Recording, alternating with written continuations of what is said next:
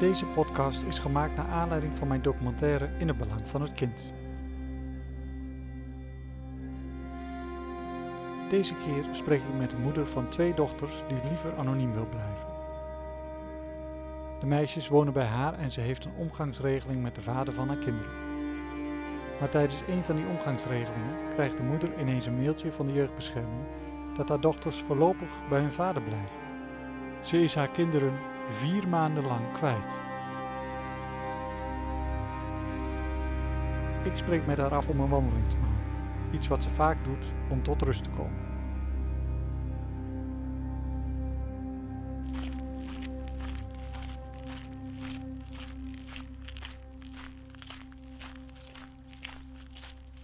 Ja, heel vaak eigenlijk wel. Als ik uh, mijn vrije tijd is dat een van de dingen die ik uh, heel graag doe. Naast hardlopen. Heb je die rust nodig? Uh, ja, de natuur is wel de plek waar ik tot rust kom inderdaad. Dat uh, dingen, als je echt de hele dag gaat wandelen in de loop van de dag, het van me afzakt.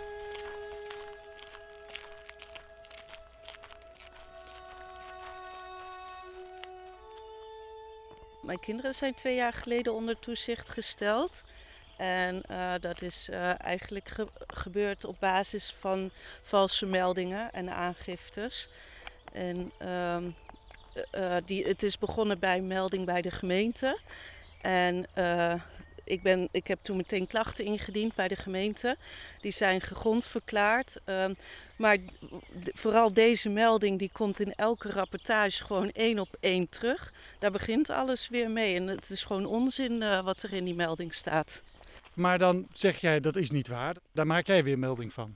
Ja, maar ik ben dan al de, de, de foute persoon. De beeldvorming is al ontstaan. Dus mij wordt gewoon niet meer geluisterd. Want ik ben al die psychiatrisch patiënt. Ik ben al de drank- en drugsverslaafde. Dus ja, daar zal ook wel alleen maar onzin uitkomen. Ik, in rechtszaken merk ik ook dat, ja, ik heb in de laatste rechtszaken heb ik bijna niks meer gezegd. Omdat ik zeg, het heeft toch geen zin wat ik zeg. Dus waarom uh, zou, ik, ja, zou ik mezelf uh, die pijn uh, nog doen? Door rechtszaken probeer ik me vaak zoveel mogelijk af te sluiten van alles. Zodat de dingen die gezegd worden met minst raken. Maar je zegt de gemeente heeft wel aangegeven dat het inderdaad niet klopte. Uh, ja, ze, uh, in die zin, ze hebben aangegeven uh, dat het niet onderzocht is. Dus dat zij niet kunnen zeggen of het waar of niet waar is. En, en, nu inmiddels is, is gebleken dat het allemaal niet waar is. Er is ook een aangifte bij de politie gedaan. Dus ik heb ook voor moeten komen. Ik ben volledig vrijgesproken, dus nu eigenlijk is na iets meer dan twee jaar, uh, is eigenlijk de hele lijst, het is echt ongelooflijk de lijst waar ik van ben beschuldigd, um, is nu eigenlijk gezegd dat het niet waar is. Dat het enige wat ik nu doe nog is um, mijn kinderen met volwassen problematiek uh, lastigvallen, wat dat dan ook zou mogen zijn. Maar je zegt, uh, na twee jaar is er gebleken dat alles waarvan je beschuldigd werd niet waar is. Uh, ja, in de, nou ja, de, inderdaad. Ik ben de, de aangifte bij de politie, uh, ja, daar ben ik dus vrijgesproken bij de rechter. Um, nou, dit zijn, ik heb op een gegeven moment een lijst gemaakt van de beschuldigingen die gedaan zijn. En als je die uh, vergelijkt met de laatste rapportage, het laatste plan van aanpak, dan wordt daarvan niks meer benoemd. Ja, het is heel bizar. Ik kan het niet anders. Ja, ik sta zelf ook met mijn oren te klapperen. Want als ik ze daar dan op aanspreek: van ja, jongens, luister. Jullie hebben beschuldigd dat ik dronken op de grond lig en mijn kinderen amper te eten geef en uh, dergelijke. Uh, dan krijg je standaard het antwoord: ja, daar gaan we nu niet over hebben. Daar gaan we het op een later tijdstip over hebben. Nou, dat latere tijdstip is nog nooit aangekomen of. Uh, dat, dat bestaat niet. Je krijgt nooit concrete uitspraken. Nee, maar in, wat is er in die twee jaar gebeurd met je kinderen dan? Um, nou, toen die OTS begon, is het begonnen met uh, dat ze een gesprek bij mij thuis hebben gehad. Daarin hebben we afspraken gemaakt. En um, uh, die kwamen ze na twee weken al niet na. Vervolgens zijn er twee gesprekken op school geweest. School heeft aangegeven van ja, er is hier helemaal niks aan de hand. die, die OTS geeft alleen maar meer onrust. En vervolgens is toen de OTS, nou, nou, toen heb ik een bemiddelingsgesprek gehad. En ehm, in dat bemiddelingsgesprek is uh, eigenlijk uh, enorme druk op me uitgeoefend. Wat op een gegeven moment uh, escaleerde. En dat die teamleider met zijn hand heel hard op de tafel sloeg. En zei: Als jij niet gaat doen wat wij zeggen, dan gaat het voor jou of gaat het voor jou er heel slecht uitzien bij de verlenging van de OTS na een half jaar? En dus ook voor je kinderen. En toen ben ik in huilen uit. Uh, uh, ja, ben, begon ik te huilen. En hij bleef me doorvragen, zeggen van... Ga je nu doen wat wij zeggen? Ga je nu doen wat wij zeggen? En ik zei van, nou, ik ga nergens meer uitspraken over doen, want ik ben nu overstuur. Dus ik, ik ga nergens antwoord meer op geven. En toen ben ik uh, naar buiten gelopen. Ik zeg, ik ga even tot rust komen. Dus ik ben naar buiten gelopen. En toen uh, heeft uh, de vertrouwenspersoon die ik toen bij me had, die heeft gezegd, ja, ik ga dit uh, gesprek nu stilleggen, want dit is zo beschadigend of zoiets.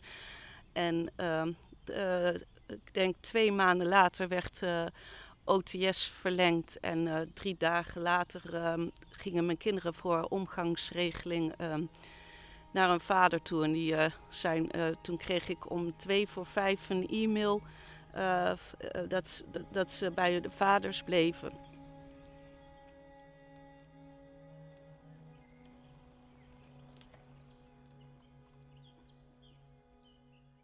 Dat is een soort van uithuisplaatsing. Ja, ja het was een spoeduithuisplaatsing. Er was blijkbaar na de uh, vlak voor de zitting van die verlenging van die OTS op woensdag, want op vrijdag is dit gebeurd.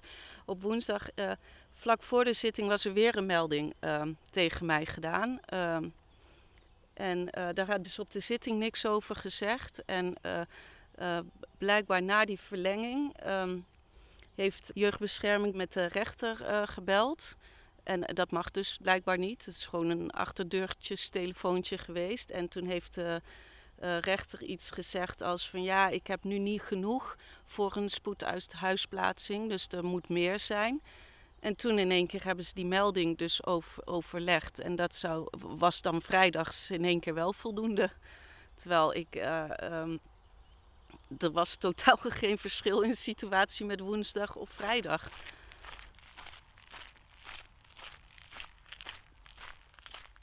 Voordat je met jeugdbescherming in aanraking kwam met je dochters. Uh, wat was jouw beeld over jeugdbescherming voor die tijd?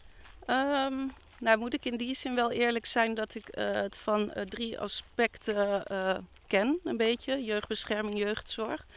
Um, dus als pleegouder, als, als kind, zelf in mijn jeugd.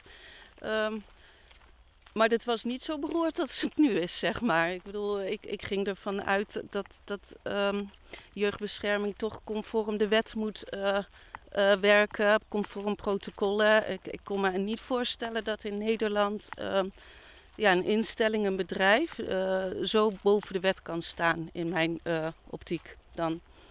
Um, toen zij ook het eerste gesprek bij mij kwamen, ja, heb ik ook afspraken gemaakt. En dat die dan na twee weken volledig omgedraaid worden. Dat gelogen wordt in de rechtszaal, bewust of onbewust. Ja, ik, ik, ik ben nog steeds elke dag verbaasd dat dit kan. Dat dit gewoon echt mogelijk is. Een vals, als een valsheid in geschriften, bewust of onbewust. Dat ja, is gewoon onvoorstelbaar. Hoe had het anders gemoeten dan? Ja, feitenonderzoek. Dus in uh, 2012 al um, uh, een, nieuwe wet gekomen, artikel 3.3. Uh, dat, dat enkel feiten in rapportages opgenomen mogen worden met bronvermelding. Ja, er is bij mij geen enkel feit opgenomen. Het is echt gewoon alleen maar um, meningen of uitspraken van derden of van mensen. Of, en die, en wat ik zeg, die, het wordt gewoon geknipt en geplakt in, in de raadsrapportage van de kinderbescherming. Um, want ik word dan beschuldigd van drank- en drugsmisbruik. Uh, uh, dan wordt er door de kinderbescherming geconstateerd dat het niet aan de orde is. Dan komt het bij de jeugdbescherming. en die knippen en plakken uit die raadsrapportage, waardoor ik weer een drank- en drugsverslaafde ben. Ja, het is maar dan dien je toch een klacht in? Ja, maar als je een klacht indient, dan ben je een strijdende ouder. Dat is ook niet goed, want ik moest natuurlijk verandertaal spreken. Klacht... Heb je een klacht ingediend? Uh, ja, ik heb bij de kinderbescherming een klacht uh, ingediend. Um, dat, uh, daarbij heb ik aangegeven dat de, het onderzoek volledig gebaseerd is op de melding van de gemeente en dat ik daar gegrond ben verklaard. Um, ik heb alles weerlegd met, met schema's. En dan zegt de kinderbescherming gewoon: ja, we hebben de expertise en we hebben zelf onderzoek gedaan. Um, en dus, dus het is wel zo. Behalve dan die drank- en drugsmisbruik. dat was, ja, het is echt, echt bizar. En toen ben ik eigenlijk uh, bij mijn huidige advocaat gekomen. En uh, die zegt, ja, we gaan geen klacht meer indienen bij de klachtencommissie. Want dan krijg je hetzelfde verhaaltje als bij de kinderbescherming. Dus we hebben meteen terugklachten, heeft hij ingediend. Maar uh, dat is een proces van twee jaar ook weer. Dus daar, en ik enkele maanden geleden is daar de uitspraak van geweest. En daar ben ik op negen van de tien klachten uh, ben ik uh, gedeeltelijk of deels gegrond verklaard. En ehm, ja, dan denk je dat het klaar is. Maar dan wordt het dus naar een andere, andere jeugdbeschermingsinstelling gedaan. En die beginnen gewoon weer van vooraf aan. Met hetzelfde proces. Ik zie daar een bankje. Zullen we even gaan zitten? Ja, helemaal goed. goed. Ik heb heel veel energie. Ja, heb je nog energie? De, de mentale energie, die wordt wel minder. Of mentale op dat specifieke aspect. Ik heb op een gegeven moment gelukkig wel um, een knop op kunnen zetten. Um, dat ik gewoon, zeker toen de kinderen terugkwamen hoor. Toen, de, toen die vier maanden dat de kinderen weg waren, was het gewoon uh, rationeel uh, ervoor zorgen ja, dat je je bed uitkomt. Dat je... Plus dat iemand op een gegeven moment tegen mij zei, of ze nou volgende week terugkomen of over een paar jaar, ze hebben jou dan nodig. Dus toen heb ik bedacht, ik moet zorgen dat ik fysiek en mentaal gezond blijf. En dat kan je um, best rationeel regelen.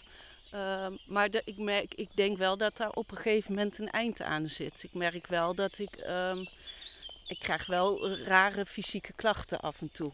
En um, ook wel mensen in mijn omgeving die, die zeggen, ja, weet je, je, het houdt een keer op. En, en zeker omdat, omdat je het niet kan oplossen, hè? Omdat, omdat het niet... Um, ik heb eigenlijk nu geaccepteerd dat, dat ik dit gezeur heb. En dat ik een weg moet vinden om ermee om te gaan. Um, maar ja, ik moet zeggen dat die, uh, die gesprekken en die zittingen, dat ik daar enorme last van heb, dagen daarna. En uh, vooral slapen is een probleem. Dat is gewoon echt, uh, dus ja, dat doet wel iets met je energie. Je kinderen zijn vier maanden bij jou weggehouden. Ja. Wat is dat voor periode? Ja, het is de ergste periode uit mijn leven geweest. En um, ja, dit, dit, is je grootste angst, je kinderen kwijtraken. Um, dus ja, wat ik gedaan heb, um, is proberen heel rationeel een tegenbeweging te maken tegen uh, niet, niet uh, doorschieten in je paniek, je verdriet. en gewoon vechten om ze terug te krijgen. Ja, maar het is wel, dat is wel mijn grootste angst. Als dat weer zou gebeuren, ga ik dat nog een keer trekken. Fysiek en mentaal. Ga ik dat nog een keer. Ja, ik denk het wel. Het is je moederinstinct, denk ik. Want wat was de reden waarom ze uiteindelijk toch weer terug mochten naar jou? Uh, ja, geen idee. Um, ja, blijkbaar gaf ik ze wel genoeg te eten. Blijkbaar was in de basis, in de basis was ik toch wel een goede moeder. Maar het is gewoon absurd. In die vier maanden zijn ze twee keer een, uh, een paar uurtjes geweest onder begeleiding. Ik mocht geen minuut alleen met ze zijn. Als ik met ze naar de tuin liep, kwamen er meteen twee hulpverleners achteraan. Nou, na die twee keer heb ik ze weer anderhalve maand bijna niet gezien. En toen heb ik ze één keer um, twee nachten gehad. En ja, daarna mochten ze blijkbaar weer terug. Ja, dus, ja, ik snap dat het heel absurd klinkt, maar dit is het voor mij ook. En ik heb sinds ze terug zijn, een jaar lang is geen jeugdbeschermer in mijn huis geweest. Ik heb wel rechtszaken gevoerd. Uh, dus nu zit er een andere jeugdbeschermingsinstelling op. En dan beginnen ze weer van vooraf aan. Het is echt bizar. Terwijl de school al, al nu wederom een verklaring heeft overlegd van er is niks aan de hand. En ehm, ja, dus ik moet wel zeggen, ik merk wel, nu, je vraagt net naar die energie. Ehm, ik ben gewoon murf nu. Ik heb, ik heb ook tegen ze gezegd, ik, ik, uh, ik ga in de opzitmodus. Ik ga opzitten waar ik op moet zitten. En, maar meer doe ik niet meer, want het heeft toch geen zin. Je, je kan zo van alles beschuldigd worden. Het wordt zo allemaal weer, weer weerlegd. Maar we beginnen wel weer opnieuw. Ja, ik ben spoorbijster hoor.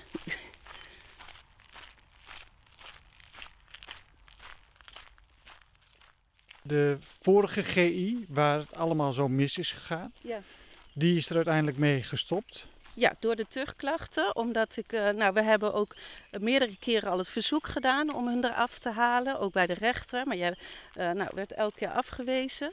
En na die terugklachten hebben, ze, uh, ja, hebben we dus excuses gevraagd en dergelijke.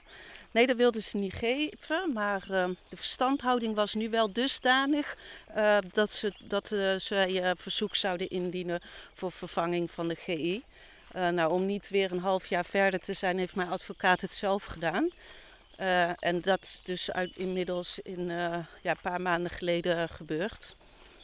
Maar de terugklachten zijn deels of gegrond verklaard van 9 van de 10, heb je ja. net gezegd. Ja. Um, maar de GI weigerde om te zeggen van oké, okay, misschien hebben we het wel iets niet goed gedaan. Nee, sterker nog, ze zijn in hoger beroep gegaan. En dat loopt nog? Ja, dat, dat komt over een jaar misschien weer een keer voor. Je enige uh, bescherming uh, die je als ouder in mijn optiek eigenlijk hebt, zijn terugklachten. Alleen voordat je die afgerond zijn, ben je anderhalf tot twee jaar verder. En in die tijd loopt alles gewoon door. En je hebt gewoon geen poten om op te staan. De, GI kan in de, uh, de jeugdbescherming kan in de rechtszaal gewoon van alles roepen en doen. De rechter neemt één op één over wat zij uh, vinden. Want uh, de rechter zegt, ja, familierecht, ja, dat is geen feit. Dat, je krijgt nooit de waarheid boven tafel. Dus wij gaan af op wat de professional zegt.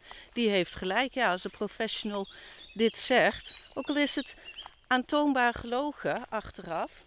Ja, dan zegt ze, ja, sorry, ik heb een foutje gemaakt. En ja, dus daarom is terugklacht het enige wat je, wat, wat je kan doen.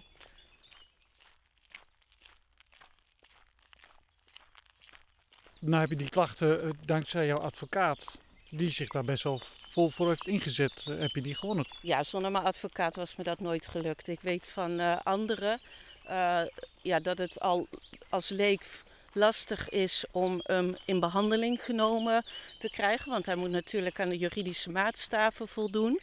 Uh, nou, als je die expertise dan hebt, dan heb je nog het component emotie erbij. Ja, de, de, emotie is zo heftig. Um, dus uh, zonder mijn advocaat denk, weet ik niet of überhaupt de terugklachten in behandeling waren genomen. En ja, als ze al grondverklaagd werden, al helemaal niet. Plus dat ik al uh, drie klachtenprocedures erop had zitten. Ja, je bent echt uitgeput op een gegeven moment. Uh, ik zat tot, als de kinderen naar bed waren, tot 11, 12 uur rapportages te weerleggen, te, klachten voor te bereiden. Het, ja, het is gewoon niet haalbaar. Ja, dat hou je vol voor je kinderen als je weet dat er een eind is. Hè? Ik, als ik, nu, ik zit nu op, op het punt dat als ik een rapportage of een plan van aanpak krijg, dat ik denk nog ineens meer reageer. Dat ik alleen maar zeg van uh, het is een goede orde ontvangen. Of iets. Het heeft toch geen zin. Je, je, hebt je hebt, bent gewoon je, je macht en zeggenschap kwijt. Nee, maar je zegt je, je bent dan bezig een, een, een rapportage te weerleggen. Dat, dat doe je dan in de late uurtjes. Ja. Wat gebeurt daar dan mee? nou, uh, bij de vorige jeugdbescherming staat bij alle plannen van aanpakken en uh, rapportages... moeder heeft geen reactie gegeven. ja, dat is echt bizar, maar dit is gewoon echt waar. Je kan je dat gewoon niet voorstellen. Het is gewoon echt waar. En als ik ze daar dan weer op aanspreek, ik heb daar één keer antwoord op gehad. Van ja, maar je had het naar mijn collega gestuurd en ik was er toen niet. Terwijl dat ik denk, jullie werken toch samen, ben ik verantwoordelijk. Maar goed, dat is één keer geweest. Hè? Van al die andere keren dat ik opheldering vroeg of iets, uh, krijg je gewoon geen antwoord of een niet-zeggend antwoord. Ik kan me voorstellen, in een rechtszitting, dan geef je aan dat de jeugdbescherming gezegd heeft, uh, moeder heeft niet gereageerd en dat je aangeeft, kijk, ik heb wel gereageerd. Nou, dit soort uh, details komen nog ineens ter sprake in een zitting. Um, ja, ik, uh, ik heb het, mijn, mijn ervaring is dat bij het hoge beroep dat het bijna lopende bandwerk is. Ik heb het gevoel dat ze totaal geen dossierkennis hebben, helemaal niks.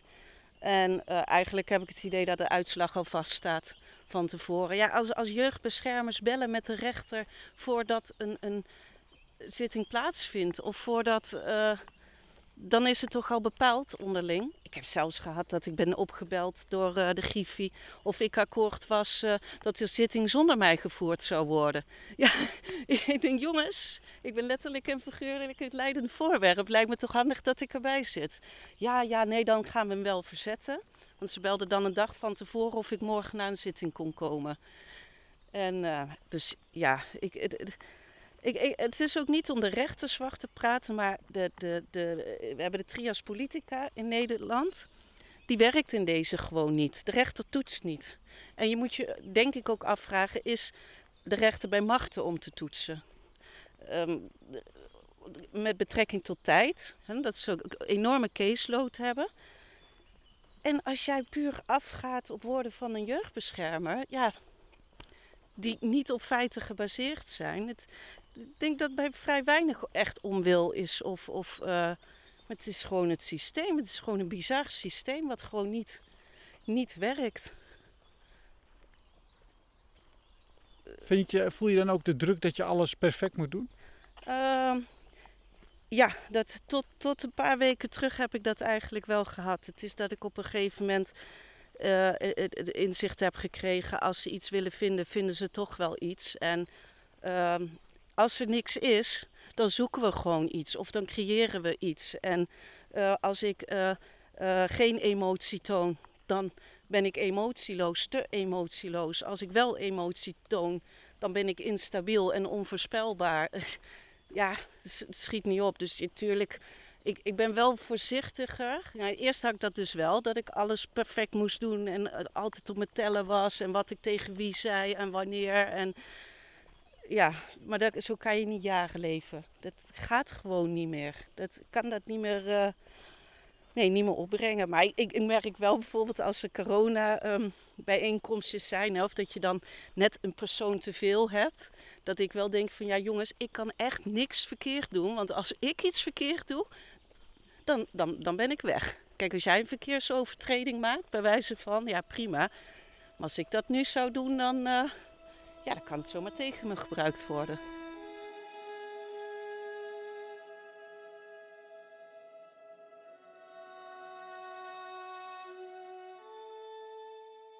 Soms denk ik wel eens aan de dag dat, al, dat ze weg zouden zijn, hè? dat heel die OTS weg is.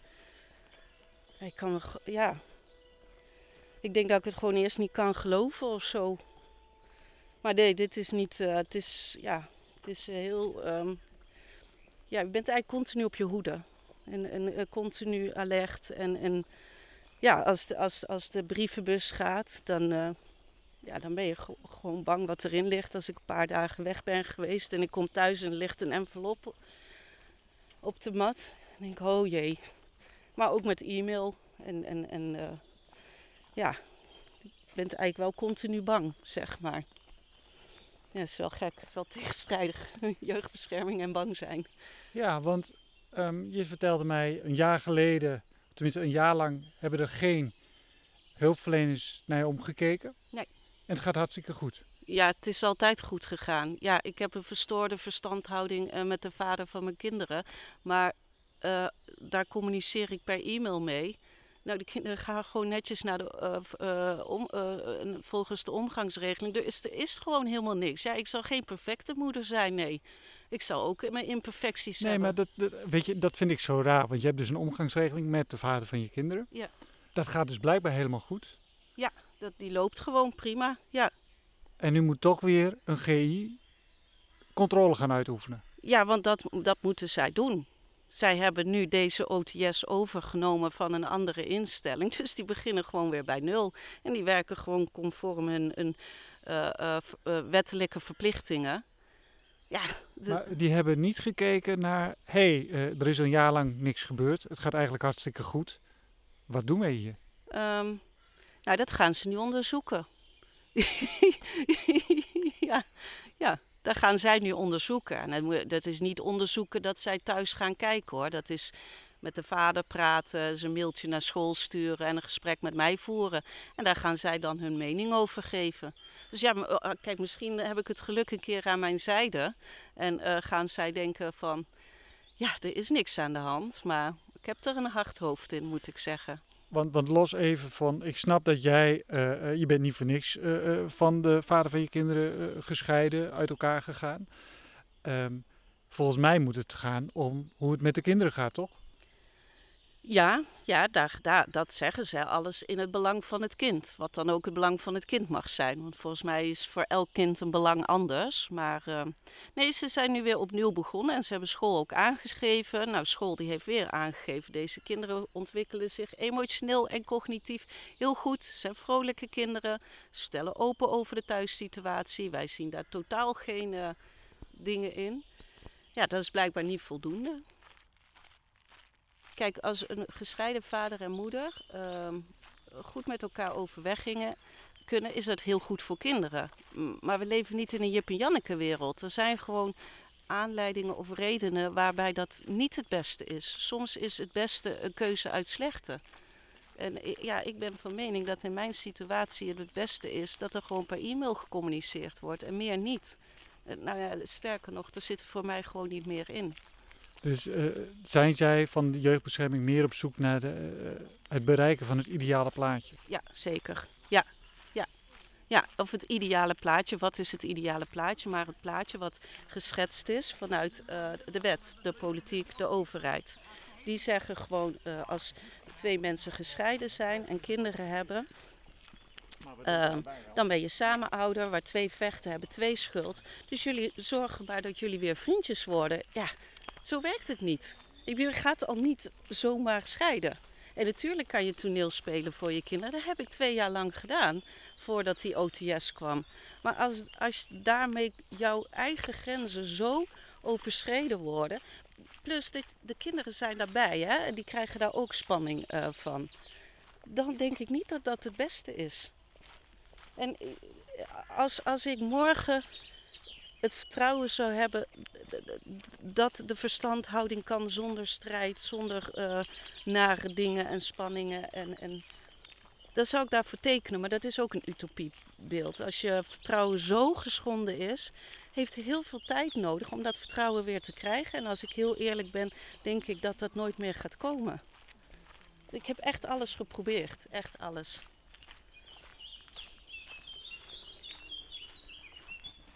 Kun je vertellen welke stoornissen je allemaal gehad zou hebben? Een uh, borderline stoornis, paranoïde, achtervolgingswaanzin, psychiatrisch, uh, een persoonlijkheidsstoornis. Uh, dan had ik nog een drank- en drugsverslaving.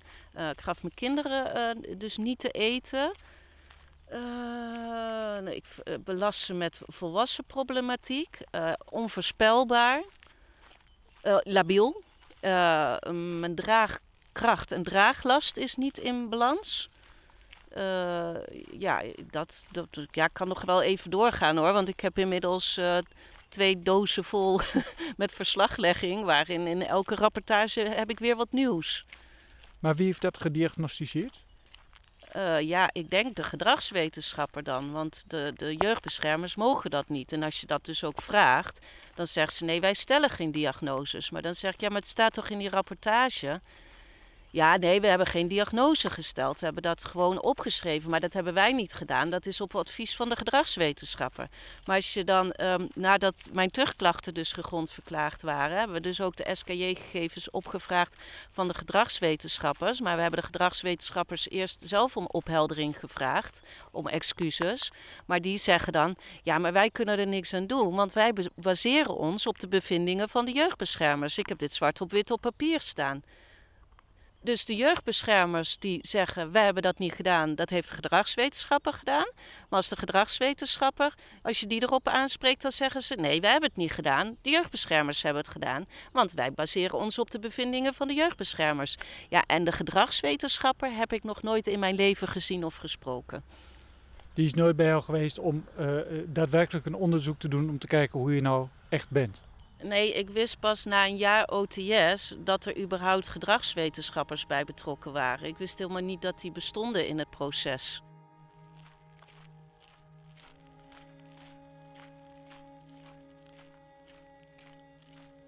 Nou ja, als jij een OTS hebt, dan mishandel je je kinderen. Dan zijn je kinderen zo ontzettend ernstig in hun ontwikkeling bedreigd. Uh, dus die moeten dan gaan onderzoeken uh, ja, hoe jij met uh, gedwongen hulpverlening uh, geen mishandelende moeder meer bent eigenlijk. Nou, de kinderbescherming heeft dat onderzocht, maar een onderzoek van de kinderbescherming bestaat uit een gesprek met moeder en een gesprek met vader. Het tweede kinderbeschermingsonderzoek, dat bestond dus uit één gesprek en het eerste kinderbeschermingsonderzoek dat bestond uit een gesprek met vader, uh, drie gesprekken uh, met mij en volgens mij enkel e-mailcontact met de school. Maar wat kwam uit dat uh, onderzoek? ja, van de kinderbescherming kwam dus wel kwam uit dat ik er geen drank- en drugsprobleem had, maar dat ik de grip op de werkelijkheid kwijt was omdat ik het gesprek had opgenomen. En uh, dat het eigenlijk was dat, ja, echtscheidingsproblematiek. En uh, dat de, er stond zelfs in het eerste kinderbeschermingsonderzoek dat er een hetze werd gevoerd tegen mij. Um, ja, door de vader. Um, ja, het is altijd zo vaag. ja, jij vraagt mij nu wat is het probleem. Wat, ja, dat zeg ik al. Ik heb in elke rapportage had ik weer wat nieuws. En uit de tweede, uh, oh ja, uit het tweede kinderbeschermingsonderzoek, wat dus bestond uit één gesprek met de vader en één gesprek met mij, um, uh, daar kwam uit dat uh, de OTS niet van de grond komt omdat ik niet wil samenwerken en daardoor te veel aandacht vraag. En dat dat niet in het belang van de kinderen is, want dat de focus op de kinderen moet liggen.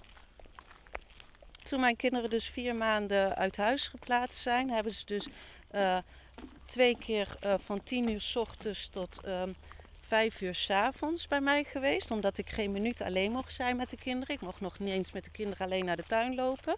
En ze zijn dus uh, in die vier maanden dat ze uit huis zijn geplaatst, twee nachten achter elkaar bij mij geweest. En toen zijn ze dus één dag onverwachts gekomen.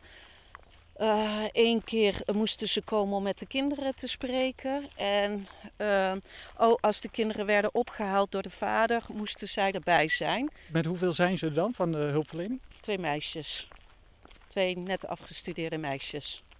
En die moesten een verslag daarover schrijven? Uh, ja, ze hebben dus aan de hand van een. een um, je hebt dan een lijst en er stonden 14 punten op. Dus van kleed de kinderen aan, uh, geef ze eten, geef goed voorbeeld, gedrag, hoe mijn leefomgeving was.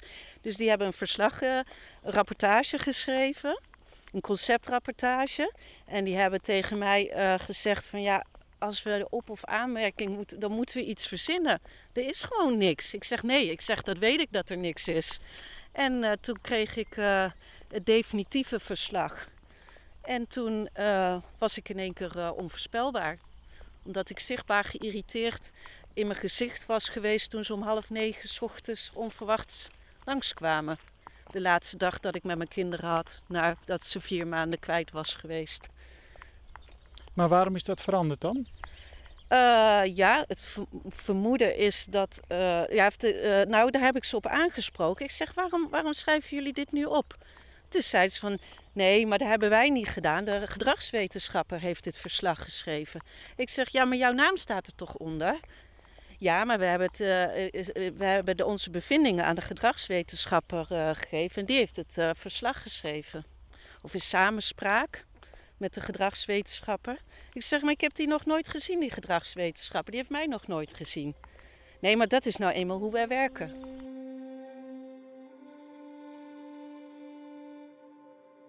Wat doet dat met je? Ja, het is machteloos. Je, wordt, je slaapt er gewoon niet van. Je kan er gewoon niet geloven.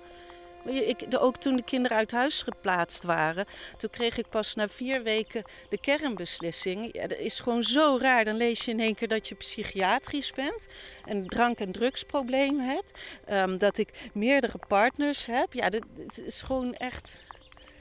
Ja, maar het is nogal wat dat je kinderen uit huis worden geplaatst en pas vier weken later krijg je te horen waarom? Ja, dat klopt. En op aandringen van mijn advocaat. Toen kreeg ik dus ook te horen dat er weer een anonieme melding was gedaan. En die anonieme melding, die heb ik dus nooit uh, te zien gekregen. Die heb ik pas toen de terugklachten grondverklaard zijn en er van instelling is veranderd, heb ik de anonieme melding gelezen. Ja, het is gewoon walgelijk. Het is gewoon echt... Uh... En ze weigeren hem eruit te halen. Waarom? Ja, dat zal wel juridisch indekken zijn, omdat ze in hoger beroep zijn gegaan. Dan, dan is er tenminste nog iets op papier. Hè? Ja, want het wordt ook. Kijk, want er wordt gezegd: de kinderen zijn niet uit huis geplaatst op basis van die anonieme melding. Maar hij mag ook niet uit het dossier. En plus dat ik in de basis nu wel een goede moeder ben. Ik ben nu alleen nog maar um, onvoorspelbaar volgens mij. Ja, volgens mij ben ik nu alleen nog maar onvoorspelbaar en belast ik de kinderen met volwassen problematiek. Maar ja, het is. Je wordt, ja, ik denk dat alles wat je niet kapot maakt, maakt je sterker. En ik, ik heb wel geleerd om dingen minder persoonlijk aan te trekken. Maar ja, het, als je dat soort dingen over jezelf leest, dus ja, ik, ik kan gewoon niet beschrijven met woorden wat dat met je doet. Het is echt het is in ieder geval een heel naar gevoel, dat kan ik wel zeggen. Heel, echt heel naar.